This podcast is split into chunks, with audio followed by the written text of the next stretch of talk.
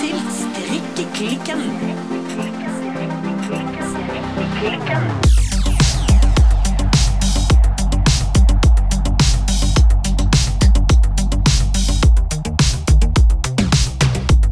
Hei, Birte. Hallo, Silje. Birte, Ja? hva skal du bli når du blir stor? Du, nå må ikke du, nå må du stikke til det manus her. Å, Hva nei, du- skjer? Nei, altså, jeg følte meg spesielt fri og gæren i dag. Altså, det er vår, det er mai, det er ingen regler som gjelder lenger. Så, Birte, Ja? hva skal du bli når du blir stor? Du følte deg fri og galen, faktisk. Jepsi pepsi.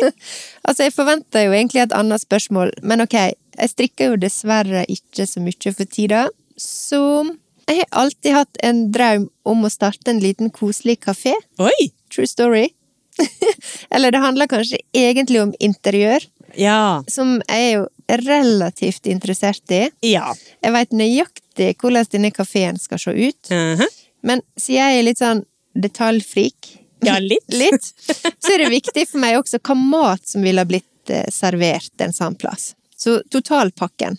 Jeg liker at det er liksom å være kontrollfrik når det gjelder en kafé.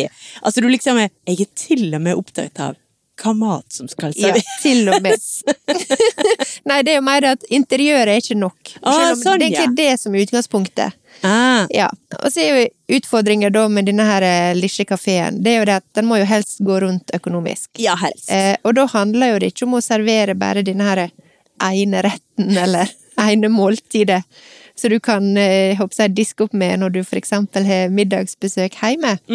Altså på en kafé, selv om den er liten, Ja. så må jo du liksom diske opp med liksom 118 retter på én dag, og plutselig har du storproduksjon og oppvask og Jeg tror det blir med drømmen. Ja, jeg, jeg ser det, altså, at det kanskje er litt gøyere å invitere folk hjem til seg på middag enn å stå og ta oppvasken daglig på sin egen kafé. Ja.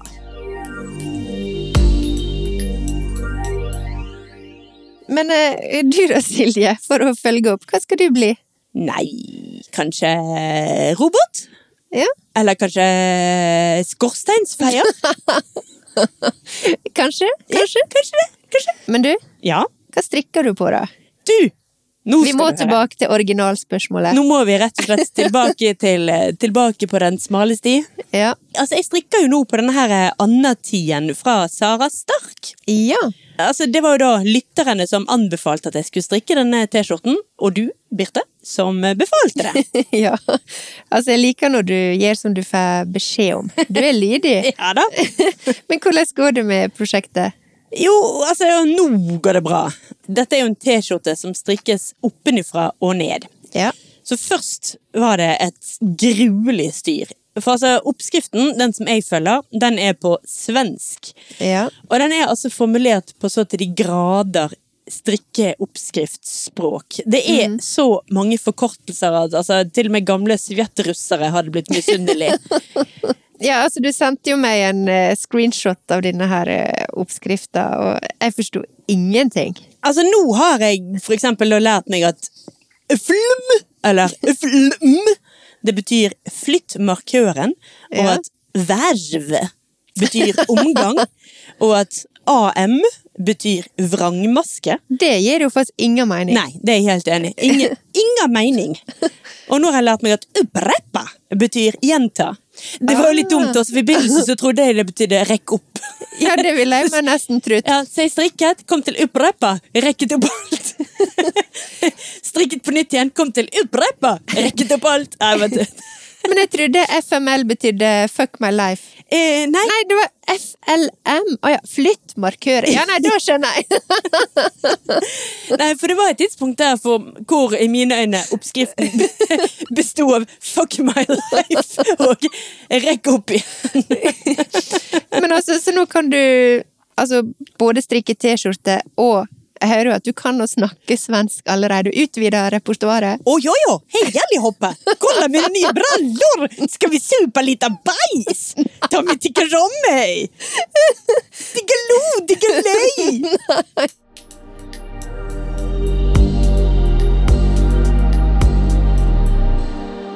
Men eh, for å Nå skal jeg være litt seriøs her. Prøve.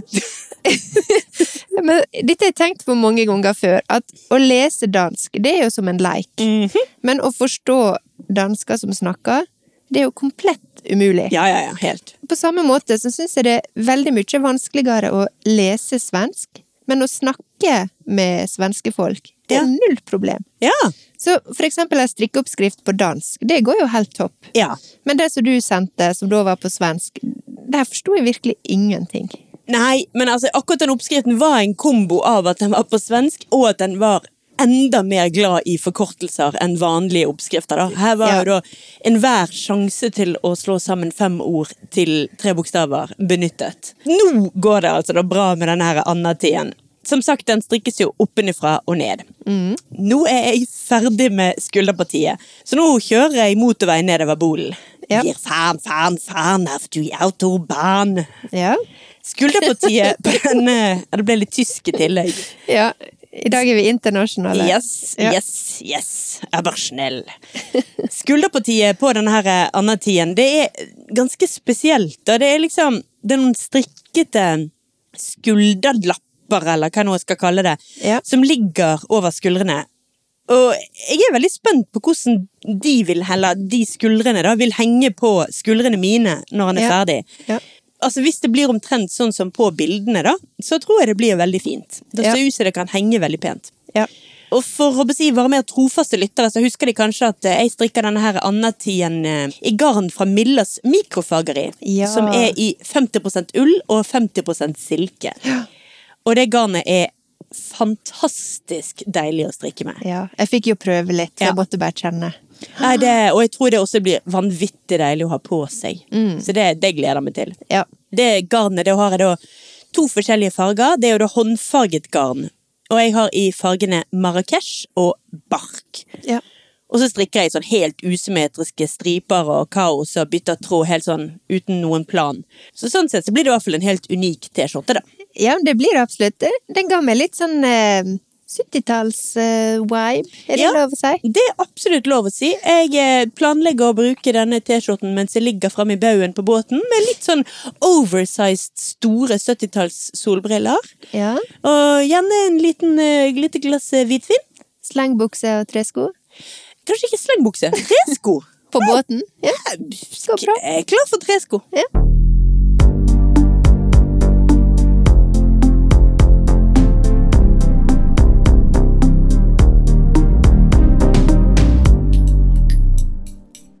Enn du da, Birtemor. ja. Hva er du har på pinnene dine i dag, da? Nei, nå skal du høre! altså, jeg har jo igjen faktisk litt ufrivillig strikkepause på grunn av senebetennelse.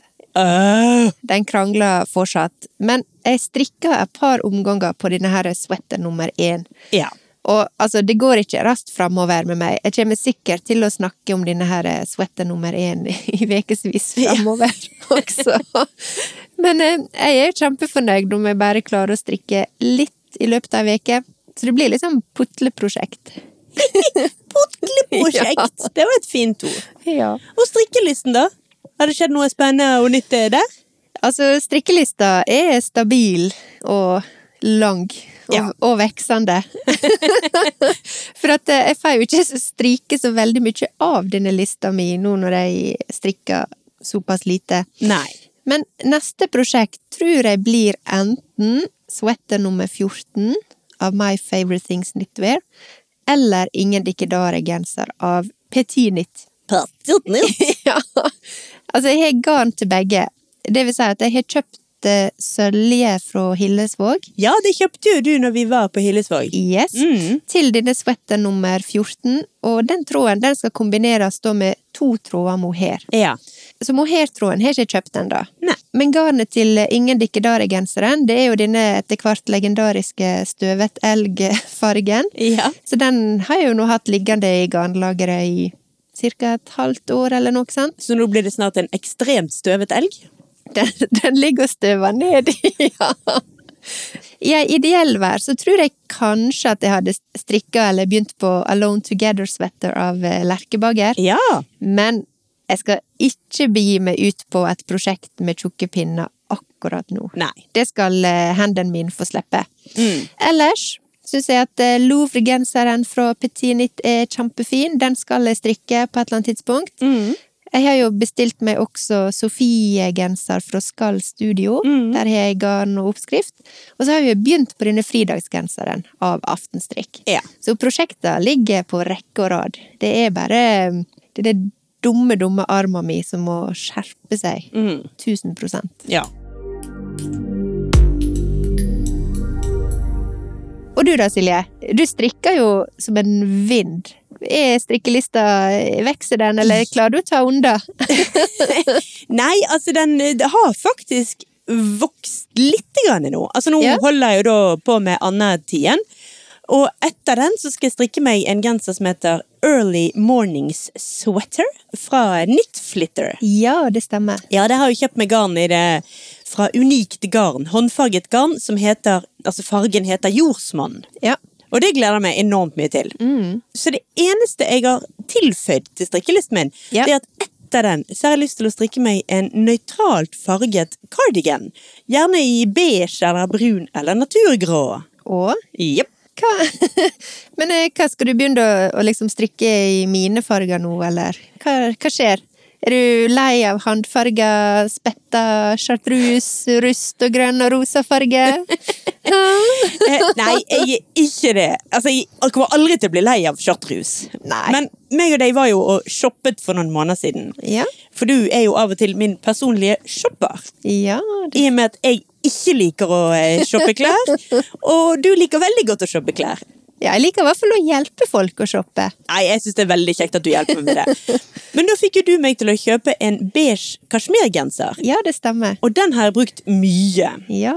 Så nå har jeg lyst til å liksom strikke meg en cardigan i tilsvarende litt sånn kjedelig farge som jeg kan bruke til alt mulig. Og du kan få lov til å bestemme hvilken modell. Altså hva jeg skal strikke, da. Altså, du som i meg? Ja ja. Ja. S- Ser du noen andre her? Nei, jeg er faktisk ikke Jeg måtte kikke bak meg her. Ja, ok. Du sa det bare så Birte- naturlig, liksom. Du, Birte Skottheim, skal få bestemme! Det var liksom så naturlig. Så jeg bare sånn Hæ? Hva sa hun nå? Ja da. Men som vanlig er det jo noen regler, da. Du får ikke gå helt bananas. Ok. Altså, reglene er jo allerede at det skal være en cardigan. Ja. Det skal være i noenlunde natur, altså, nat naturlige beige-aktig something something toner. Jeg kan jo for så Ja. vidt bestemme fargen sjøl, da. ja. Eh, men jeg vil Kanskje. at den skal være litt robust, og Ja. tåle litt, denne her, da. Ja, altså, for at en Jeg tenkte jo umiddelbart nå på denne her eh, novise-kardigan fra Altså mohair edition fra Petinit. Men den er vel dobbelt tråd mohair. Er det innafor? Nei. Dobbelt tråd er ikke en litt sånn eh, robust eh, cardigan. Ok. Og, ikke, og ikke børstet alpakka. Og Nei. ikke Pernilla fra Filcolana, for det syns jeg er et nuppemonstergarn. Nei? Og så er det en regel til, og det er at denne cardigan skal ikke være chunky. For jeg, jeg er virkelig lei av chunky strikk. Jesus, du er bestemt, altså. altså det skal ikke være sånn og ikke sånn og ikke sånn og ikke sånn. Men ok, em, hva betyr Altså, hva mener du med chunky strikk, da? Hvor går grensa, liksom? Eh, nei, ja, hva går egentlig gren... Altså, det må i hvert fall ikke være mer enn pinnetjukkelse fem. Fem? Fem. Hvis det er tjukkere, pi- tykkere pinner enn fem, da er det chunky. Såpass, ja. Ok. em, men altså, nå er det like før jeg må bytte ut eh, fargesilje med strenge-Silje her. Ja. Men du, jeg kom på en, jeg kom på en kardigan nå. Ja. Eh, Og jeg beklager at jeg beveger meg veldig innenfor et eh, veldig smalt eh, område her. Men har du sett den eh, champagnekardigan fra Petit Nit? ja! Ja? Den kan faktisk funke, men den er vel i Hvordan garn er den i? Eh, Den skal faktisk, eh, for jeg sjekka litt ut den her en dag, den skal strikkes på pinne 4,5 og 3. Hei, Mhm. det er ikke chunky. Check. Og så er den i den her nye double Sunday og mohair. Altså én tråd double Sunday og én tråd mohair. Ja, men dobbelt søndag kan jeg jo sikkert erstatte med noe enda mer eh, ullete og holdbarhetete, eller kanskje til og med håndfargete. Der har jeg sikkert en del garnalternativer, så jeg kan leke litt. Det kan du sikkert. Jeg tør ikke å gå inn på det akkurat nå. Jeg har ikke prøvd den eh, nye Double, eh, double Sunday. Ikke jeg heller. Men eh, jeg har lest mye bra om den. Ja. Nei, men det var egentlig faktisk et veldig godt forslag. Jeg skal rett og slett ta det opp til vurdering. Uh, strenge Silje skal vurdere forslaget. Ja, altså jeg har jo en eh, T-skjorte og en genser. Altså en T-skjorte å strikke ferdig, og en genser å i det hele tatt begynne på. Før dette skal på pinnene, så eh, jeg har noen uker å tenke på. Ja da, på. du har det. Men altså, vi finner jo alltid ut av det til slutt. Vi gjør jo det. Det skal jo vi ha.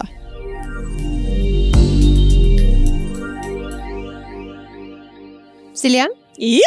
i dag så skal vi snakke om noe som jeg veit du har gledd deg veldig til. Ja. For i dag så skal vi, jeg vil si atter en gang, snakke om Unn Søylanddale. Ja! Heltinnen Unn! Ja! Superheltinnen Unn! Altså, grunnen til at jeg sier atter en gang, er jo for at dette er jo ei dame, og for så vidt et tema som vi har snakka om flere ganger før. Mm. Vi snakka om eh, Unn Søyland Dale i episoder om norsk strikkehistorie. Mm. I episoder Mysteriet Marius. Mm. Og også i episoder vår om strikkedesignere. Mm. Så Silje, Ja. hvorfor skal vi snakke om eh, Unn Søyland Dale enda en gang? Altså, det er rett og slett fordi Unn Søyland Dale er så viktig for norsk strikking. Jeg har jo truet med at hun selvsagt skulle få en full episode for seg sjøl. Jeg Ja. truet vel til og med at hun kanskje skulle få en hel sesong, bare om hun Men jeg skal klare å tone it down litt. Jo, jo, men ei episode igjen, så har vi nesten en liten serie gående. Ja, vi har det, altså. Men det er, det er på sin plass, fordi Unn Søyland Dale fortjener det. Ja. Det var rett og slett hun som gjorde norsk håndstrikktradisjon kjent over store deler av verden. Og det var hun som introduserte norske håndstrikktradisjoner for de store internasjonale motehusene. ja. I tillegg til det så er hun den strikkedesigneren som uten sammenligning strikkes al- Altså hennes oppskrifter er fremdeles de som strikkes oftest i Norge. Den rekorden har hun hatt i over 70 år. Ja. ja, jeg er enig. Vi kan eh, Du fortjener ei, ei egen episode, da. Ja, rett og slett. Men altså, én ting som vi veit at eh, Unn Søyland Dale ofte sa, eller det som var hennes sitt motto, det var at hun, for å lykkes internasjonalt, så må en våge å være nasjonal. Ja. Og hun tok eh, norske strikketradisjoner og gjorde dem om til eh, allmannseie. Og hun solgte jo, sånn som du var inne på, altså Norwegian sweaters, eh, som da ble et fenomen over hele verden. Ja, det var virkelig hun som Altså, Færøystrikk og en del annen strikk var kjent i verden. Men eh, Norwegian Sweaters er det hun som står bak. Og det er jo da altså da hun som står bak Marius-genseren, genser som Snøkrystall, Finnmark, Eskimo Alle disse her er ting som er knyttet til hun. Selv om det finnes noen sånne kontroverser knyttet til om hun var aleine om å designe alle disse mønstrene. Ja. Spesielt da, altså Marius-genseren, er det litt sånn diskusjon rundt opphavsretten til. Men det hadde jeg i hvert fall ikke tenkt at vi skulle gå så mye inn på i dag. Nei, altså det har jo vi snakka mye om tidligere, i flere episoder faktisk. Eh, spesielt i episoder om mysteriet Marius, så dekker vi den ganske greit. Ja, lytterne våre kan selvfølgelig fremdeles finne den episoden på Spotify eller Apple Podcast eller nettsiden, eller hvor du nå liker å høre på podkast, så go ahead and have a listen.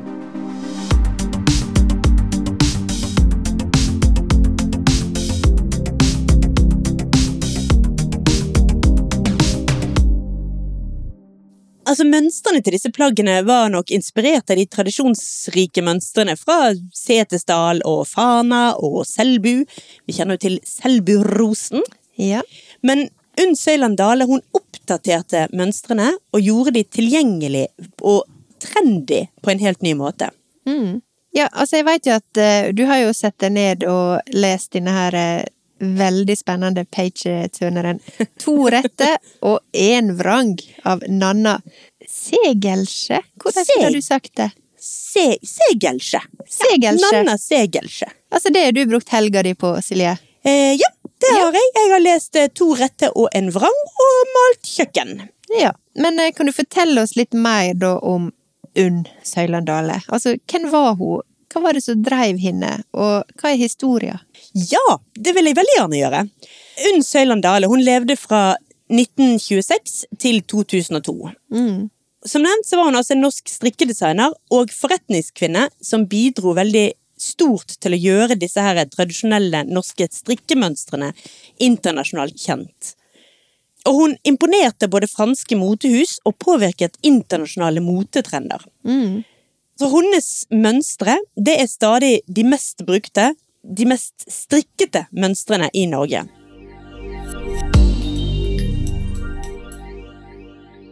Unn Søyland Dale som person, da, så skal hun alltid ha vært en sprudlende og energisk person. Som Ja. snakket på innpust og utpust. og som barn så strikket hun absolutt alltid. Ja. Hun gikk rundt med strikketøy i skoletimene og fikk det gjerne konfiskert. Og det førte til at hun rett og slett tok med seg to sett strikkeprosjekter på skolen. Sånn at når det ene ble konfiskert, så kunne hun bare fortsette med det andre. Altså, Vil du si at hun leid av eh, restless hand syndrome? altså? Det høres litt kjent ut. Ja. Unn Søyland Dale og meg, vi er søstre i rastløsheten. Nei, Hun var født altså i Haugesund, og hun lærte å strikke av farfaren sin. Og det lærte hun faktisk før hun i det hele tatt lærte seg å lese. ja. Og som mange andre på 1940-tallet så strikket hun disse her eh, tradisjonsrike mønstrene fra Setesdal og Fana og Selbu. Og hun tok artium i Bergen i 1944 og toårig lærerutdanning ved Nesna lærerhøgskole etter det. Og under krigen, da, altså rundt Når de bodde i Bergen eh, på, under krigen, så var foreldrene aktive i motstandsarbeidene. Og Unn hjalp til med å distribuere illegale aviser. Hun ble ikke tatt for det, men faren ble tatt av Gestapo og havnet eh, dessverre i fengsel. Oi. Var heldigvis ikke så veldig lenge, og det gikk bra med han, men eh, det var ekte motstandsfolk. Mm. Blant annet så prøvde hun å få lov å være med på en av de siste turene over til Shetland, fordi hun ville altså, Det tror jeg faktisk var rett etter krigen. Da ville hun flytte og komme seg ut i verden. Sant? Denne Mm. her eh, rastløse, energiske unge kvinnen. Men da sa faren nei, nå får du ta og buckle down og få deg litt eh, jobb, du. eh, Ja. Ærlig talt. Litt skikkelig jo- Litt arbeid. Skikkelig arbeid. Ja. Så fra 1948 så arbeidet hun som lærer og som flyvertinne, og senere som mannekeng i Paris og London. Så mannekeng, altså. eh, Altså, hun gikk på catwalken og eh, sprada. Jepp, jepp, jepp. On the catwalk. Jo da. Altså, det, det står faktisk en veldig fin liten passasje i denne her eh, To vrette og en vrang om hvordan hun kom på ideen om å bli mannekeng. Ja. For da bodde hun i Paris, og hun trengte sårt en jobb fordi hun rett og slett var blakk. ja. Så da skriver, da står det her i boken, og dette er da Unn sine egne ord. Så når jeg da sier jeg, så er det da Unn som sier dette. Ja. En venn av Matisse foreslo at jeg kunne bli modell for den berømte maleren som søkte aktmodell. Jeg var den gang ganske rund i formene, men ikke lubben nok. For å bli modell måtte jeg legge på meg flere kilo. Oi. Altså for å bli aktmodell for Matisse. Ja. Mat koster penger, og var det noe jeg ikke hadde nok av, så var det kontanter. Jeg tente derfor mer på forslag om å søke jobb som mannekeng. Da måtte jeg slanke meg noen kilo. Det var en løsning som passet bedre for mitt budsjett.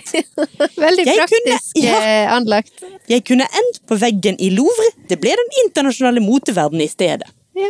Jeg syns det er så fint. Altså, Men for- veldig sånn én ting leder til en annen. Det er Sånn, nei, jeg har ikke penger til mat, så jeg må bli modell i stedet. Jeg har ikke penger til å bli tykk nok til å bli modell for Matisse, så det er heller å la være å spise. Så blir jeg Ja. tynn nok til å bli mannekeng.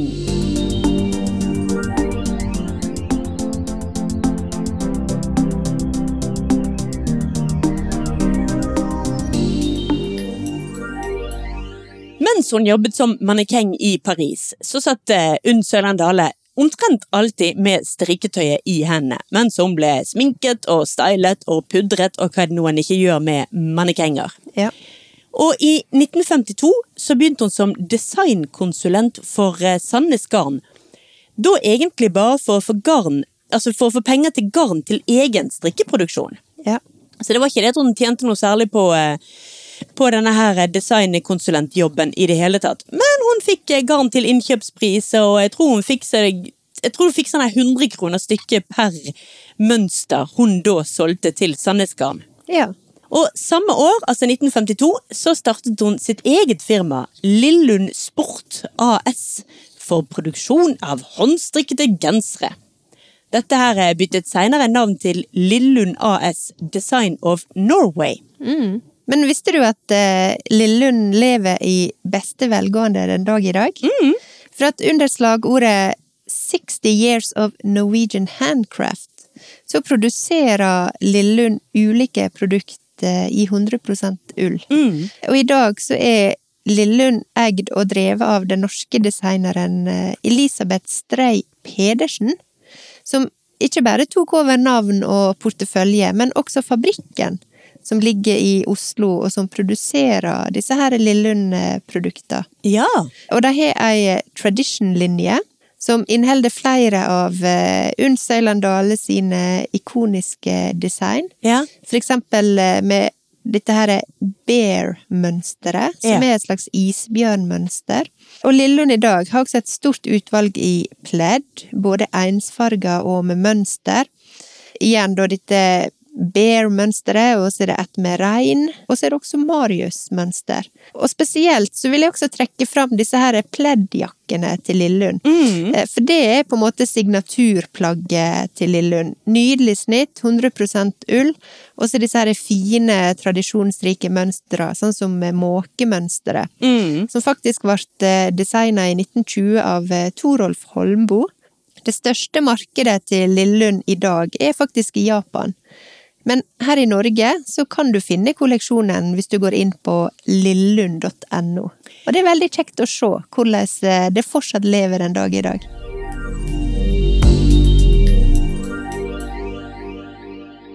Altså, det var jo Unn Søyland Dale som oppfant disse her eh, pleddjakkene, eller pleddkåpene, eller hva man skal kall- kalle de. Og hadde stor suksess med de. Blant annet er det jo en veldig fin versjon, syns jeg, da, i dette her harlekin-mønsteret. Ja. Det syns jeg er utrolig flott. Men altså, det var som strikker hun først ble kjent, før de pleddjakkene kom inn. Og det var det Lillund drev med da, tidlig. Og det, altså, Lillund Sport det vakte internasjonal oppsikt fra, helt fra begynnelsen av, rett og slett. Ja. Den designen som hun gjorde for genseren som heter Eskimo, den ble blant annet i 1954 vist på forsiden av Vogue, altså franske Vogue. Og dette her er norsk strikkedesign, ble som du nevnte innledningsvis, en stor suksess, da kjent som enten Norse Knits eller Viking Style. ja. Og de håndstrikkede genserne til eh, Unn Søyland Dale de ble brukt i reklamer for Ritz solkrem, og de var på forsider i mange forskjellige magasiner. Kennedy-familien ble avbildet i disse klærne, og keiserinne Soraya av Iran, som på den tiden var i eksil i Sveits, ble avbildet i Unn Søyland Dale sine ja, Norse Knit-klær. da. ja. Og den bedriften som hun startet, altså Lillund Sport, det ble et håndstrikkeeventyr uten like. Og hun ansatte altså over 1000 håndstrikkere. Oi. Og sjøl da hadde hun problemer med å møte etterspørselen. Oi. Så hun hadde egne private strikkesentraler rundt omkring i landet, som håndterte logistikk og utsending av garn, og sjekket kvaliteten på disse her håndstrikkede plaggene. da. Og de utviklet også egne systemer for strikkefasthet, og for kontroll på størrelser og ja, kvalitet. Og disse systemene de ble kopiert av andre, og er fremdeles i bruk. Ja. Så suksessen var altså tidlig et faktum. I 1958 så ble Unn Søyland Dale kalt for Norges første karrierekvinne i et avisoppslag. Og hun ble også det første kvinnelige medlemmet av Norges Industriforbund. Rett og slett fordi at da hadde hun tatt denne her håndstrikkingen om til å bli et håndverksindustrieventyr. Ja. Men eh, mot slutten av 1960-årene så dabbet interessen av for å tjene penger som håndstrikker av. Altså, rett og slett, de fikk ikke nok hjemmestrikkere. Altså, disse tusen håndstrikkere hennes gikk videre til andre yrker. Ja. Da plutselig så ble det vanligere å bli Jeg vet ikke hva man ble som kvinne på den tiden. Jeg Bare se for meg Mad Men. De ble ute i kontorlivet, hele gjengen. Sekretærer og eh, skrivemaskineksperter. Ja, det var vel noe sånt de ble.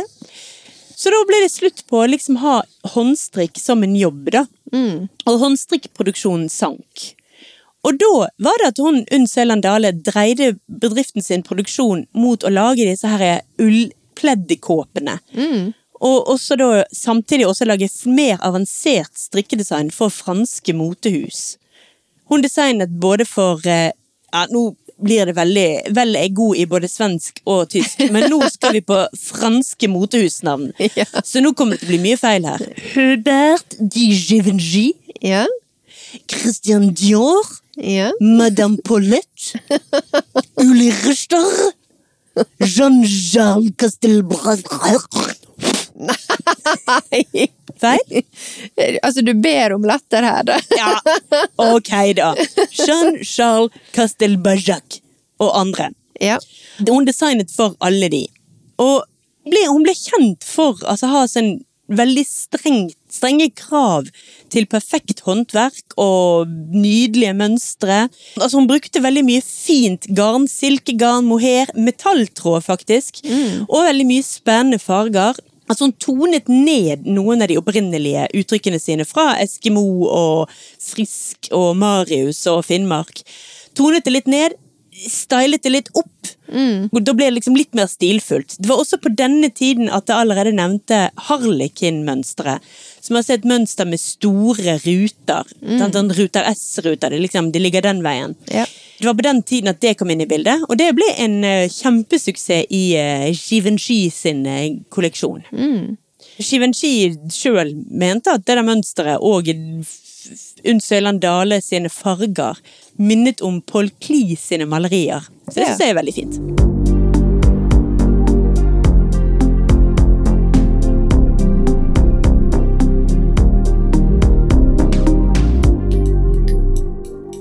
Unn Søyland Dale måtte dessverre hele tiden slåss for rettighetene til sine egne strikkemønstre.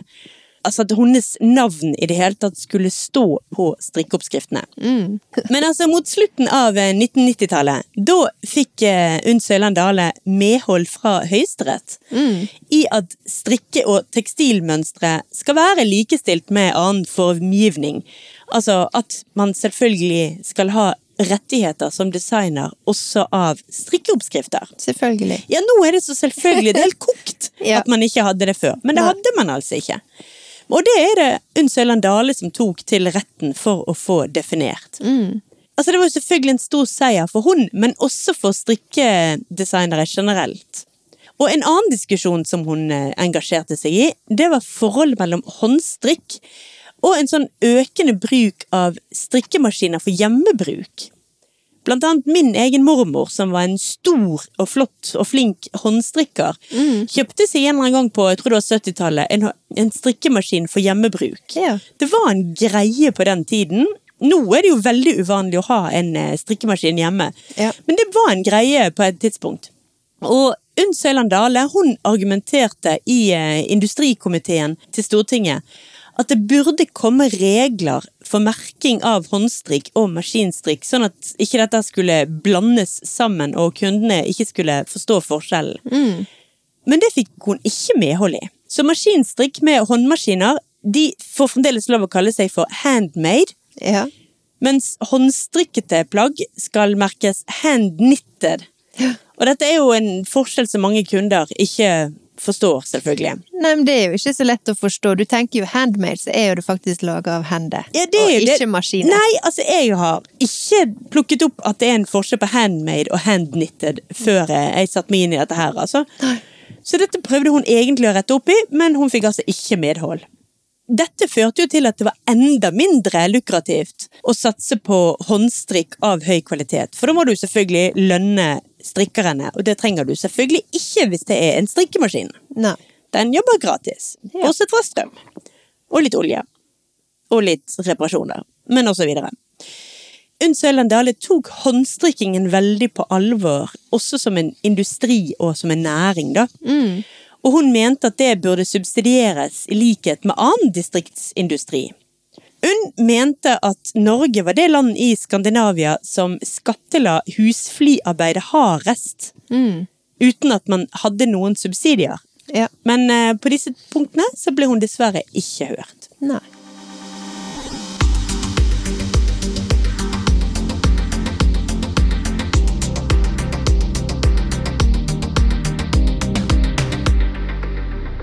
Søyland Dale fikk kongens fortjenestesmedalje i gull, og den ble utdelt rett før hun døde i 2002. Og i begrunnelsen for denne her eh, utnevnelsen så sto det at hun fikk den for sitt livslange pionerarbeid med å utvikle norsk håndstrikk og ulldesign, og gjøre det kjent i utlandet. Ja, en god begrunnelse. Ja, nydelig. Etter at hun døde, i 2012, så mottok Norsk Folkemuseum 150 håndstrikkede plagg i en gave fra datteren eh, til Unn Søland Dale, med spesielt fokus på mønstrene som Unn hadde strikket fra 1950-tallet. Jeg er jo litt sånn, eh, ja, nå må ikke du bli sjokkert, men jeg er jo en stor forkjemper for eh, Unn Søland Dale og for å gjøre hun mer kjent i Norge. Ja. Det har du kanskje plukket opp? ja, er det noe du har tatt på deg? Ja, det har Ja. jeg tatt på meg. altså fordi, i likhet med flere andre kvinnelige viktige pionerer, Ja. så står ikke Unn Søland Dale sitt ettermæle i forhold til hvor stor og viktig hun var. Ja. Hun fikk aldri noen designpris. Hun har aldri fått det. Hun fikk altså Kongens fortjenestesmedalje, men hun har aldri fått en ren designpris. Og hennes innsats har ikke vært eh, noen gjenstand for noe publisert forskning. Nei. Det syns jeg er helt sinnssykt. Hvor er forskningsartikler om Unse Øyland Dale? Og det er ingen gater eller plasser eh, som bærer hennes navn. Ingen eh, parkeringshus eller andre teite ting. Og samtidig så er altså hennes plass i norsk design sin historie er så viktig, og bør virkelig ikke underkjennes. Ja, og så kan du snu rundt på det og si at ikke minst så var jo norsk kultur så viktig i hennes sitt arbeid. Ja. I Bergen nå så er det jo en stor debatt pågående om man skal kalle opp Altså nå er det kommet et vedtak om at man ikke skal kalle noen nye gater eller plasser opp etter menn. De neste 18-14 gatene og veiene skal jo kalles opp etter kvinner. Ja, på tide. Da vil jo jeg gjerne si at jeg flytter gjerne inn i Unnsøyland Dales vei. Ja, men det var faktisk et godt eh, tips. Ja, hun har jo en link til Bergen. sant? Ja. Hun drev til og med motstandsarbeid her. Absolutt. Før hun altså dro ut i verden som mannekeng og bekledde verden i nydelig egenkomponert design.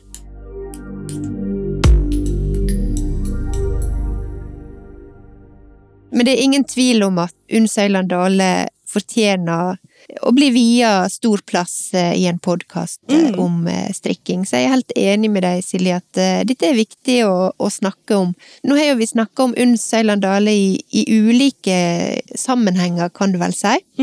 Og det er jo veldig synd at hvis det Jeg føler liksom det store arbeidet som hun faktisk gjorde, og den store designeren som hun var, det er liksom blitt litt sånn skusla vekk i litt sånn smålige ting.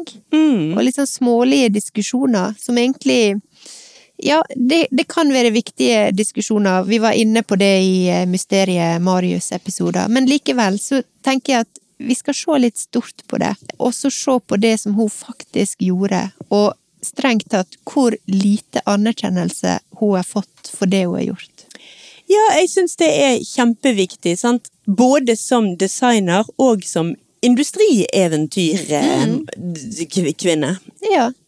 Gründer Gründer, rett og slett. og forretningskvinne. Mm. Så det Nei, jeg syns det er Det er virkelig på tide å hente fram eh, hun som den viktige kulturpersonen hun har, eh, og designeren hun har vært i norsk historie.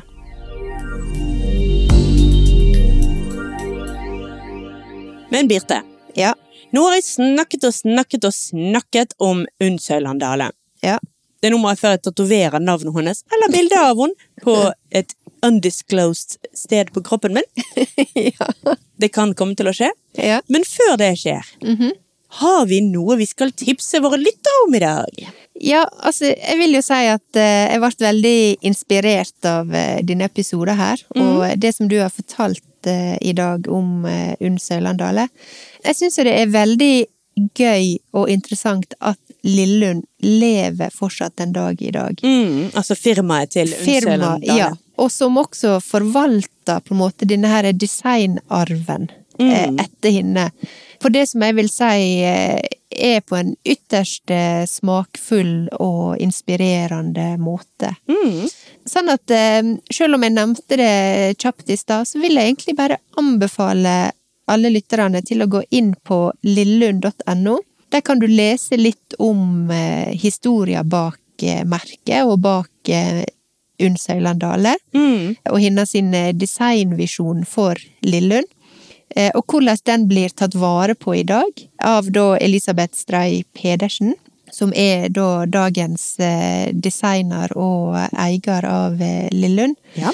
Så jeg vil rett og slett bare anbefale å gå inn der og sjekke ut. eh, Spesielt er jeg veldig glad i disse her pleddkåpene. Mm. De er superfine, enkle i snittet, litt eh, oversized, kan, altså litt sånn løs i fasongen, men veldig fin og renskåret i snittet. Ja da. Nei, de er superfine, og selvfølgelig, det nesten sier seg sjøl, pleddkåpe. Alle mener, Ja. Hallo, hvor behagelig er ikke disse plaggene? Ja, de er kjempefine, og jeg syns også pledda er veldig gode, fine. Og det er jo Pledd er jo et eh, Er det lov å kalle det et plagg? Som jeg bruker veldig mange dager i året. altså, jeg legger meg på sofaen og tar på meg et pledd. Så mitt tips sjekk ut eh, lillund.no, og la deg inspirere av eh, Unn Søyland Dales eh, univers. Ja.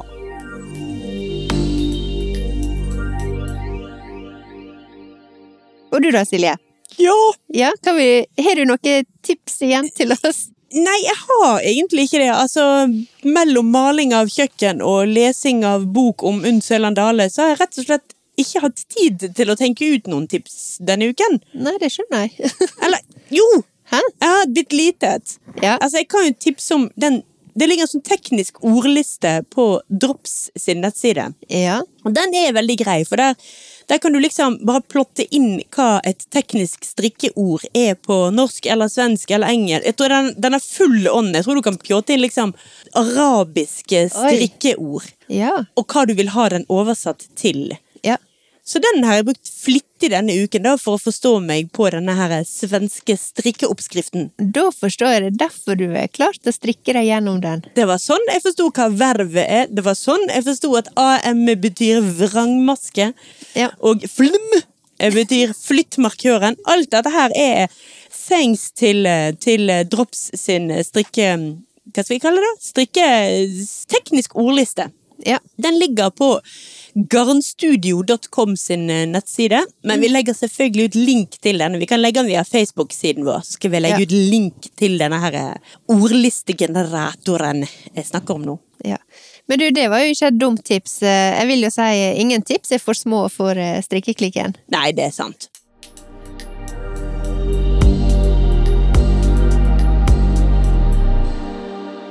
Men Silje, Jo! du er jo sjukt god til å lese deg opp og så dele av din eh, kunnskap med, med oss her i podkasten. Ja, nå skal vi ta en popquiz for å se hva du har lært. Birte, Ja. hvor ble Unn Søyland Dale født? I Haugesund. Terningkast seks. Oh, Birte, hva ja. lærte Unn Søyland først? Å strikke eller lese? Strikke. Veldig bra. Ja. Birte, Ja. hvem var det som lærte Unn Søyland Dale å strikke? Faren. Farfar, close but no cigar. Å, jeg visste det var noe. Ja ja, to av tre. Jeg gir deg en god terningkast fire. Godkjent? Godkjent. Helt klart. Ok. Ja, nei, tusen takk for eh, dine reiser igjen inne i Unn Søyland Dale sitt eh, universet. Univers. Ja. Jo, bare hyggelig. Og da må jo jeg takke Nanna Segelke, som altså har skrevet boken To rette og en vrang. Unn Søyland Dale. Designerliv og strikkeoppskrifter. Som er en bok jeg har støttet meg mye til i researchen til denne episoden her.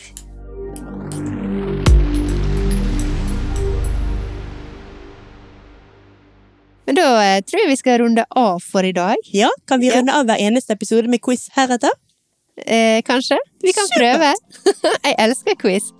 Da gjør vi det sånn heretter. Hver folkeopplysningsepisode avsluttes med quiz. Det blir bra.